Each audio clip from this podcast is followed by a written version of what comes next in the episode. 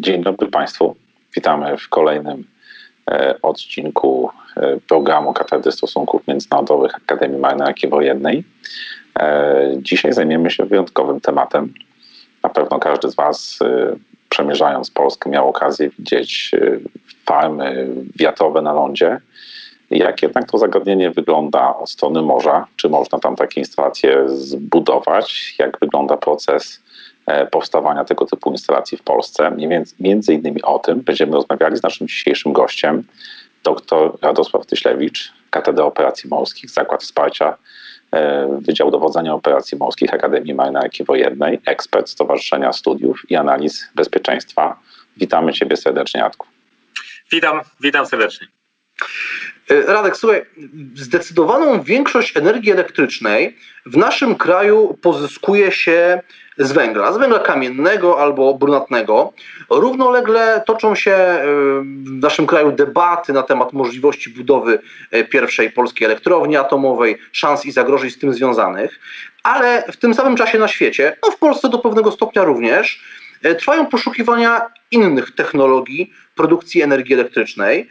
Jedną z nich to właśnie technologia polegająca na wykorzystaniu siły wiatru, czyli tak zwane farmy wiatrowe. W naszym kraju, w miejscach, gdzie warunki na to pozwalają, takie farmy już istnieją, o czym, o czym wspomniał Łukasz, ale my rozmawiamy o farmach wiatrowych na Morzu Bałtyckim, a takich jeszcze na naszych obszarach morskich nie ma.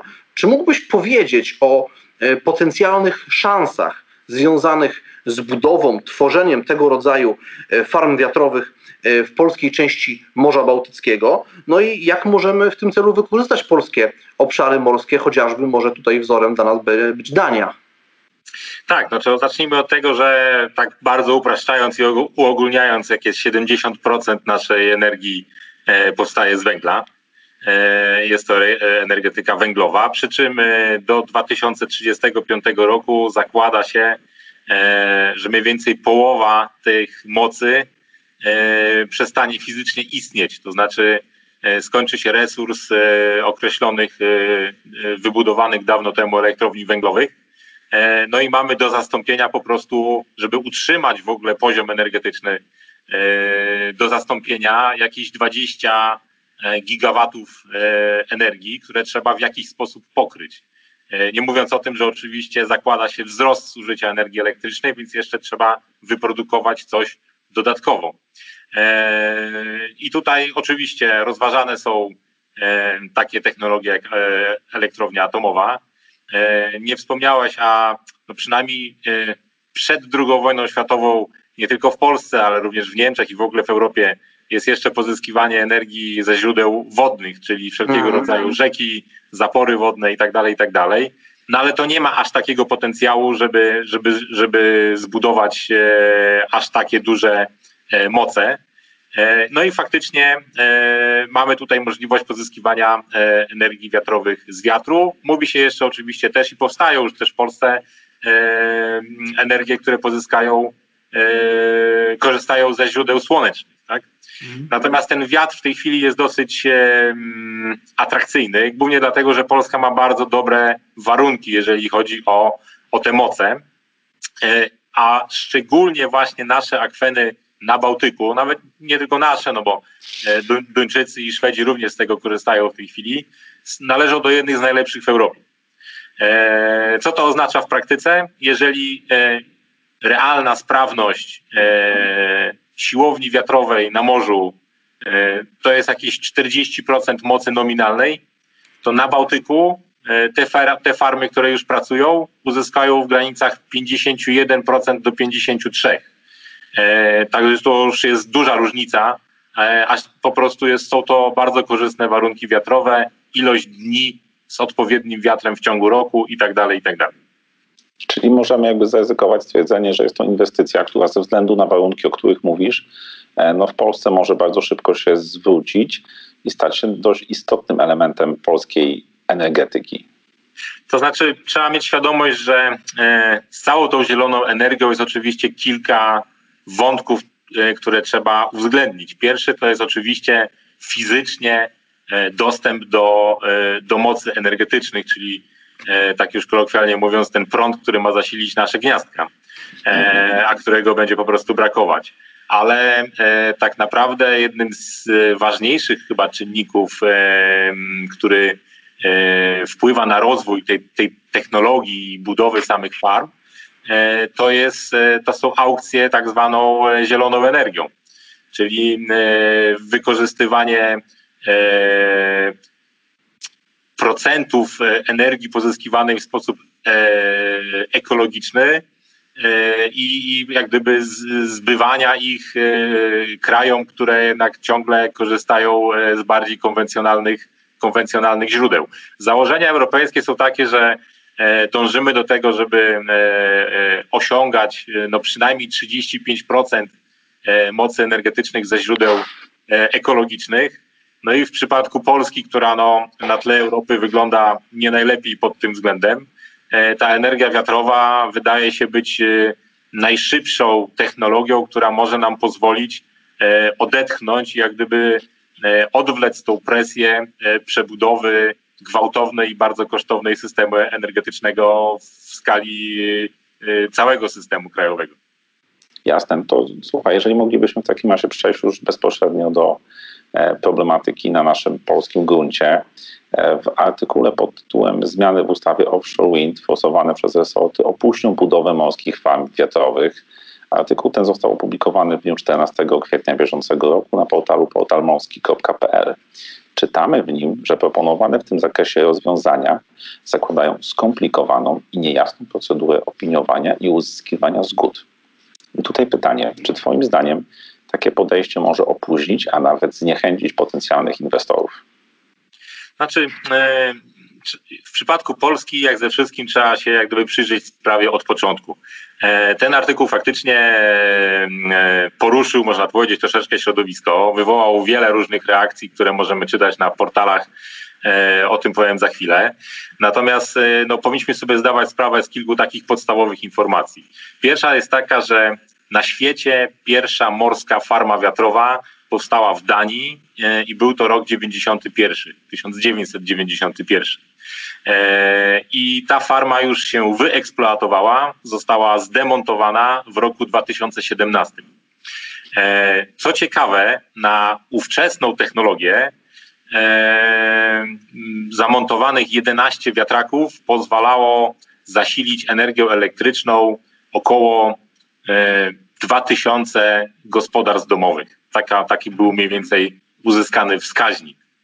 E, współcześnie e, to, co ta farma wyprodukowała przez 25 lat łącznie, jest w stanie w ciągu roku wyprodukować 7 nowoczesnych wiatraków. Taka mała skala, mała skala porównawcza. Tak?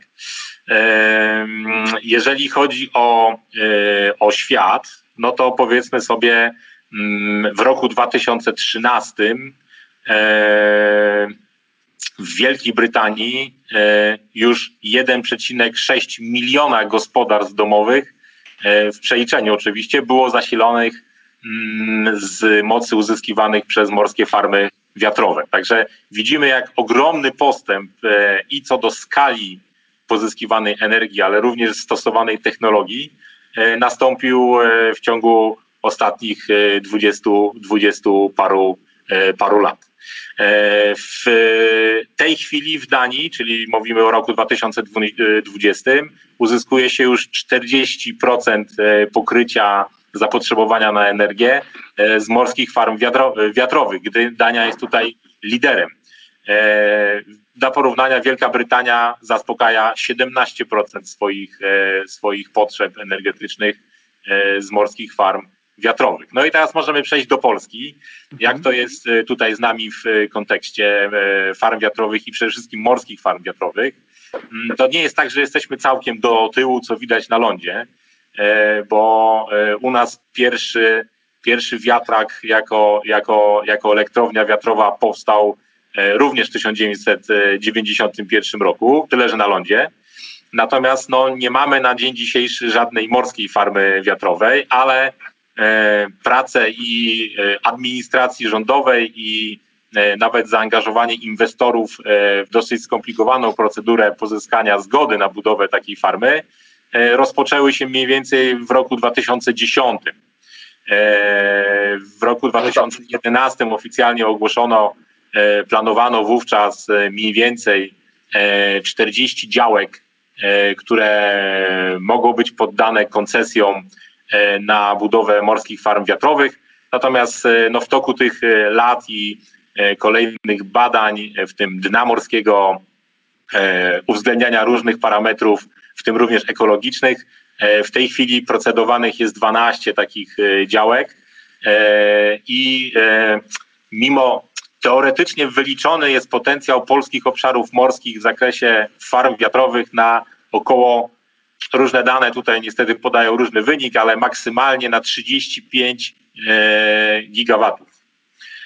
Natomiast realnie w planach rządowych i we wspomnianej ustawie, która znalazła się w konsultacjach, w tej chwili mówi się o uzyskaniu do 6 gigawatów do roku 2030. To z jednej strony jest trochę, trochę mało w stosunku do teoretycznego potencjału, ale z drugiej strony no, to jest potężna wielkość, jeżeli chodzi o procent pokrycia energetycznego, jakiego nam w kraju brakuje. To właśnie, Radek, wspomniałeś o tym, że procedowane są w polskim parlamencie przepisy, które będą regulowały kwestie budowy farm wiatrowych na Bałtyku. Wiemy, że w procesie konsultacji społecznej Akademia Marynarki Wojennej przygotowała swoje stanowisko. Ty jesteś członkiem zespołu, który, który to, taką opinię w imieniu naszej uczelni przygotowywał. I powiedz, no, co się w tej opinii znalazło i jakie jest Twoje zdanie? Co byłoby optymalne z punktu widzenia no, interesu naszego kraju, naszej gospodarki, żeby to, jak to powinno być uregulowane? Znaczy tutaj jest, jest kilka kwestii, które, które w tym projekcie ustawy, który został skierowany w styczniu do konsultacji społecznych, no, wzbudziło dosyć dużo emocji zarówno w środowisku zainteresowanym budową, a, a również obsługą morskich farm wiatrowych.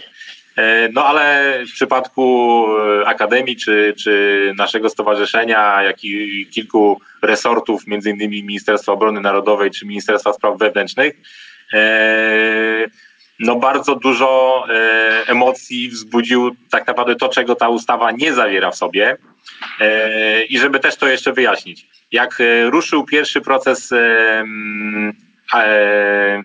dostępu i licytacji czy udzielania koncesji na działki na morskich farmach wiatrowych w, polskim, w Pols na, na, na, polskich wodach, nie było wówczas żadnej ustawy i została ułożona pewna procedura, która składa się prawie z 20 etapów i dany inwestor no, musiał w ramach pokonywania kolejnych etapów przedstawiać określone dokumenty. Chodziło o to, że trzeba było zbadać i dokonać odpowiednich ekspertyz, co jest na dnie morskim w danym miejscu, czy może są tam jakieś bardziej intratne zasoby kruszyw, czy, czy, czy innych kopalin, które, które może są dla państwa ważniejsze. Chodziło również o oddziaływanie na środowisko, jak to wpłynie na miejsca połowów, były również ekspertyzy odnośnie ruchu morskiego, no bo nie chodzi o to, żeby postawić farmy wiatrowe od Zatoki Pomorskiej, czyli od wysokości Świnoujścia aż po, aż po Rozewie i w związku z tym wymusić ruch okrężny statków towarowych, które przywożą kontenery na przykład do portu w Gdańsku. No ale były również ekspertyzy w zakresie marynarki wojennej i Straży Granicznej. Ja brałem udział również jako ekspert w realizacji takich ekspertyz w latach 2013-2014 i tam były bardzo twarde oczekiwania ze strony zarówno marynarki, jak i sił powietrznych, jak i Straży Granicznej, ponieważ musimy sobie zdawać z jednej sprawy. Morska farma wiatrowa, pojedyncza, to jest obszar około 20 km na 20 km. To jest potężny obszar. Po drugie, w przypadku Polski morskie farmy wiatrowe znajdują się poza naszymi wodami terytorialnymi także nie będzie ich widać z brzegu. Jak przyjedziemy na plażę, to nie będziemy tych śmigieł widzieć. Natomiast one znajdują się w wyłącznej strefie ekonomicznej. To jest bardzo ciekawa konstrukcja prawna, natomiast status tych wód powoduje, że jest to obszar, na którym ma głównie operować marynarka wojenna, jeżeli chodzi o bezpieczeństwo kraju. Jeżeli popatrzymy na rozmieszczenie geograficzne, to działki, które są rozmieszczone właśnie wzdłuż naszej strefy ekonomicznej, no przypadkowo przebiegają wzdłuż takiego znanego rurociągu Nord Stream 1 i Nord Stream 2. Mhm. Dodatkowo w części wschodniej znajdują się wzdłuż granicy między Unią Europejską a Federacją Rosyjską. Co mhm. powoduje, że farmy wiatrowe, morskie farmy wiatrowe w Polsce są na tyle nietypowe w stosunku do innych, które są już w Europie czy na świecie, że w zasadzie nigdzie nie, nie występuje taka sytuacja pod względem bezpieczeństwa. To znaczy, jeżeli popatrzymy na farmy w Danii, w Niemczech, one po pierwsze są na wodach terytorialnych tych państw, czyli blisko brzegu, mhm. a po drugie te państwa nie graniczą e, z krajem, który nie jest członkiem Unii Europejskiej i do tego tak. jeszcze e, zachowuje się w stosunku do państw będących w Unii czy w NATO w sposób, delikatnie to ujmując, agresywny. E, w naszym przypadku no, taka sytuacja następuje. E, I jak analizowałem kiedyś, jak wygląda poziom zabezpieczeń i w ogóle podejście do kwestii bezpieczeństwa morskich farm wiatrowych w zachodniej Europie, to zasadniczo dla tamtego inwestora i dla tamtej administracji bezpieczeństwo oznacza bezpieczeństwo inwestycji, czyli wszelkiego rodzaju systemy E, przeciwpożarowe i ewentualnie nawigacyjne, które mają zapobiec e, kolizjom morskim, e, no najbardziej zaawansowany system to był jakiś system, który zapobiegał wpłynięciu okrętów podwodnych w teren, w teren strefy. Natomiast nie przewidywali żadnych innych systemów, które miałyby monitorować sytuację w kontekście jakichś działań dywersyjnych czy na przykład e, wpłynięcia wrogiego okrętu po to, żeby nie było go widać na, na radarach. No w naszym przypadku akurat właśnie wszystkie te elementy występują. Dlatego nie możemy się do końca w tym e, zakresie opierać na tym, że gdzieś tam na świecie ktoś tak nie myśli. My niestety musimy o tym pomyśleć, co dodatkowo podraża koszty oczywiście e, powstania takiej, takiej farmy wiatrowej, gdzie tylko jeden taki maszt to w tej chwili jest kwota około 4 milionów euro. E, a na takim areale 20 km na 20 km takich masztów planuje się postawić między 300 a 500, więc mm. to jest jak gdyby tutaj skala, skala inwestycji. Ale wracając do propozycji ustawy. E, ci inwestorzy, którzy procedowali swoje zgody na działki, jak na przykład Polenerga w latach 2013-14, dokonali takich ekspertyz i to nie jest mm, łatwe E, technicznie dokonać analizy wpływu zbudowania farmy, której w Polsce jeszcze nie ma, jak mhm. ona wpłynie na system radarowy, na przykład baterii rak e, rakietowej marynarki wojennej albo e, systemu badań, dozoru granicy morskiej, jaki posiada Straż Graniczna. I do tego był wykorzystany Instytut Łączności z Warszawy, który takie, takie modele zbudował. E, I ku przerażeniu e, analityków okazało się, że oczywiście przy pewnym ułożeniu wiatru, e, jak takie 300 masztów z łopatami ustawi się w odpowiedni sposób, no to zasadniczo nie widzimy nic. Ani co się dzieje na terenie farmy wiatrowej, ani tym bardziej co się dzieje za nią. Mhm. No i tutaj powstał w zakresie tych systemów dla bezpieczeństwa morskiego państwa dosyć istotny, dosyć istotny problem. E, dlatego, e, jeżeli pojawia się ustawa, która miała e, skanalizować i umieścić wszystkie procedury i zapisy dotyczące pozwoleń na budowę i funkcjonowanie morskich farm wiatrowych na polskich wodach morskich, nagle nie ma ani jednego zapisu, który mówiłby o tym, że należy dokonać, przewidzieć a już na pewno wdrożyć jakieś systemy, które zapewniłyby zniwelowanie negatywnego wpływu farmy wiatrowej na systemy marynarki wojennej czy Straży Granicznej, no, wzbudził określony niepokój. I stąd stanowisko, jakie wystosowała Akademia Marynarki Wojennej w ramach konsultacji społecznych, Stąd stanowisko Stowarzyszenia Studiów i Analiz Bezpieczeństwa, a później po zakończeniu tych konsultacji społecznych jeszcze konsultacje międzyresortowe, gdzie między innymi Ministerstwo Obrony Narodowej również no, przyjęło stanowisko Akademii Marynarki Wojennej i powiedziało, że takie zapisy muszą się po prostu w tego rodzaju dokumentu, w dokumencie znaleźć, żeby powiedzieć, jaka jest skala w ogóle percepcji bezpieczeństwa morskiego w, w tym całym środowisku. Powiem tylko, że w konsultacjach społecznych wzięły udział 43 podmioty, które łącznie zgłosiły 665 uwag do zapisów ustawy, przy czym tylko cztery uwagi dotyczyły bezpieczeństwa morskiego państwa. Czyli można powiedzieć, że zarówno inwestorzy, jak i podmioty, które zamierzają obsługiwać te, farm, te farmy, zarządy portów morskich, władze gmin nadmorskich, spółki państwowe, a nawet Zielonogórskie Porozumienie Lekarzy, bo, bo również zgłosiło swoją uwagę do tej, do tej ustawy, praktycznie zagadnienia bezpieczeństwa państwa, granicy morskiej z Federacją Rosyjską, rurociągu Nord Stream, pierścienia wokół Kaliningradu energetycznego, który buduje Polska, Litwa i Szwecja i zagrożeń z tym związanych, czy jakichś prewencyjnych działań nawet z tym związanych, w ogóle nie zauważyły. Znaczy, no to tak naprawdę z tego rysuje nam się obraz, że po pierwsze mamy, tak jak wspomniałeś, prawnie dostęp do wyłącznej strefy ekonomicznej zgodnie z zasadami delimitacji obszarów morskich, które określa konwencja o prawie morza. Ta konwencja mówi o tym, że właśnie państwo nadmorskie, w tym przypadku Polska, ma jakby wyłączność do gospodarczego, ekonomicznego wykorzystywania tych, tych obszarów. Wiemy, że na całym świecie jest to powszechnie wykorzystywane na przykład do wydobywania surowców energetycznych.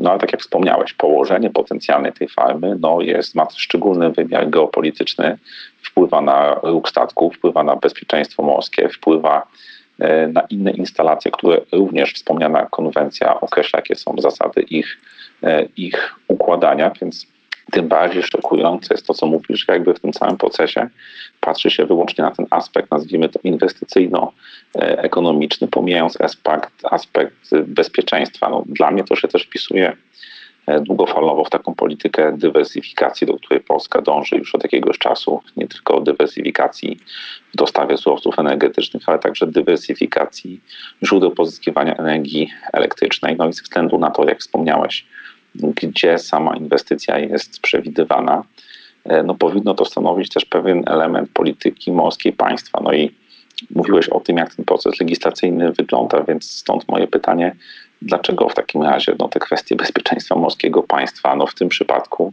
no, kwestie podnoszone przez podmioty najbardziej odpowiedzialne, marynarkę wojenną, Straż Graniczną, no nie są zauważane przez biznes i ustawodawców, no głównie z tych resortów cywilnych, no przy projekcie, który chyba możemy zaryzykować, określenie no, ma znaczenie strategiczne.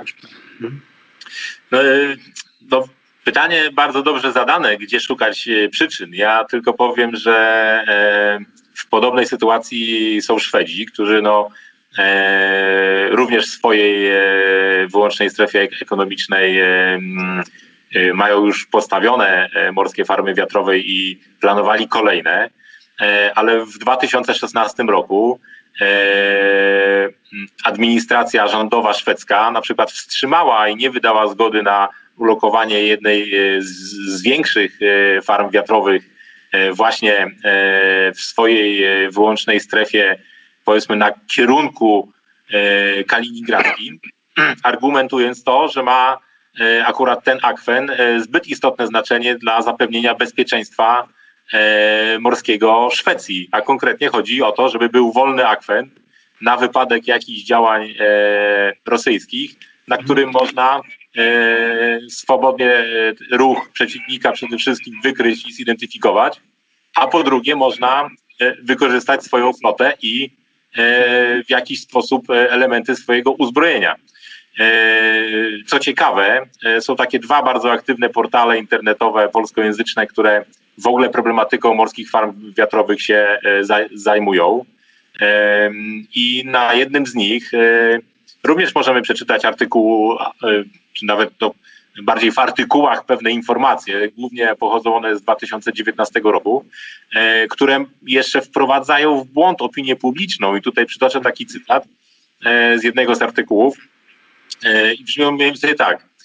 Morskie farmy wiatrowe nie będą miały natomiast wpływu na działania bazy obrony przeciwrakietowej w Redzikowie. Plan zagospodarowania przestrzennego polskich obszarów morskich przewiduje, że najbliższy obszar na lokalizację farm wiatrowych będzie się znajdować 50 kilometrów od bazy. Na podstawie taki, takiego cytatu, ja bym to nazwał nawet takiej propagandowej wrzutki, możemy odnieść wrażenie, że w Radzikowie będzie jakiś system przeciwrakietowy nasz krajowy, a nie jakiś element systemu światowego. Po drugie, no akurat farma wiatrowa morska będzie miała ogromny wpływ na funkcjonowanie obrony przeciwrakietowej wybrzeża polskiego, czy nawet tych systemów uzbrojenia, które są na polskich okrętach, a nie dla jednego z elementów globalnego systemu rakietowego. Więc jeżeli ktoś nie rozróżnia tych dwóch mhm. systemów i przeczyta tylko taką krótką notkę, tak. to powie, z punktu widzenia militarnego, wojskowego dla Polski, no to farmy nie mają żadnego znaczenia. Tymczasem jest dokładnie odwrotnie. E, największy problem polega na tym, że jesteśmy w stanie zniwelować skutki postawienia farmy wiatrowej morskiej, jeżeli chodzi o to, żeby radary widziały, co jest również za farmą.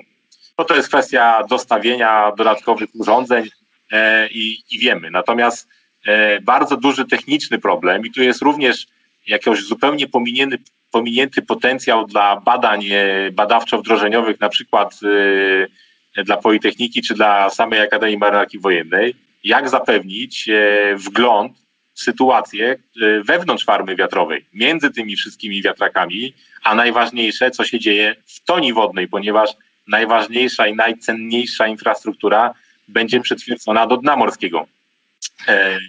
I, i, i to jest pytanie, tak? E, jak to zrobić i dlaczego to w ogóle nie jest uwzględniane nawet w projektach zleconych e, e, dla Narodowego Centrum Badań i, i Rozwoju. Wydaje mi się, że jakimś, jakimś wyjściem z sytuacji no jest oczywiście oddolne zgłaszanie tego rodzaju projektów czy pomysłów, E, oczywiście aktywny udział w konsultacjach, co zrobiła między innymi Akademia. E, kolejnym kierunkiem to e, jest kształcenie po prostu kadry, która będzie w tym obszarze cywilnym no, wykazywała się wyższą świadomością z zakresu bezpieczeństwa między innymi morskiego państwa i tu chyba takim działaniem jest uruchomiony w tym roku na Wydziale Dowodzenia Operacji Morskich kierunek bezpieczeństwa w logistyce. E, natomiast no, na chwilę obecną można powiedzieć, że ta percepcja bezpieczeństwa w biznesie, czy to krajowym, czy zagranicznym, e, który chce wziąć udział w realizacji strategicznej inwestycji w postaci budowy morskich farm wiatrowych e, w Polsce, no jest na poziomie dalece niedostatecznym. Znaczy, no to tak naprawdę mi się wydaje, że bardzo istotne jest to, co, o czym ty wspominałeś, w sensie pokazania, jaki ten problem jest y, kompleksowy i coś, co wydawałoby się, że ma wpływ tylko na kwestie gospodarcze, ekonomiczne, energetyczne, jest bardzo mocno powiązane z kwestiami bezpieczeństwa państwa, bezpieczeństwa morskiego państwa. No i pozostaje jakby tylko się cieszyć, że i Akademia Marynarki Wojennej bierze jakby aktywny udział w tej dyskusji. E, z drugiej strony myślimy o tym, o czym ty powiedziałeś, pod kątem uruchomionego nowego kierunku na Wydziale Dowodzenia Operacji Morskich, jakby przygotowania kadr do, do tego, żeby były w stanie w tym problemie partycypować nie tylko w wymiarze technicznym, ale także w tym, nazwijmy to, doradczym i e, politycznym. Jest to na pewno zagadnienie, no bo wspominałeś, że ten proces już trwa e, ładnych parę lat, więc pewnie będziemy jeszcze go e, obserwować. Myślę, że temat, który poruszyliśmy, jest niezwykle ciekawy i mamy nadzieję, że e, znajdzie się jeszcze czas, żeby z nami porozmawiać również na inne tematy, które będą e, dotyczyły bezpieczeństwa, bezpieczeństwa morskiego państwa. Bardzo Ci dziękujemy, że znalazłeś czas. Wszystkim naszym widzom dziękujemy również za to, że nas oglądali. Zapraszamy do tego, żebyście komentowali, zadawali pytania. Myślę, że e, Radek znajdzie czas, żeby na część z tych pytań na pewno odpowiedzieć. E, Lajkujcie nasz, e, nasz film, udostępniajcie. Mm, Bardzo Wam dziękujemy za uwagę i zapraszamy już na kolejny. Dziękujemy. Dziękuję. Dziękujemy.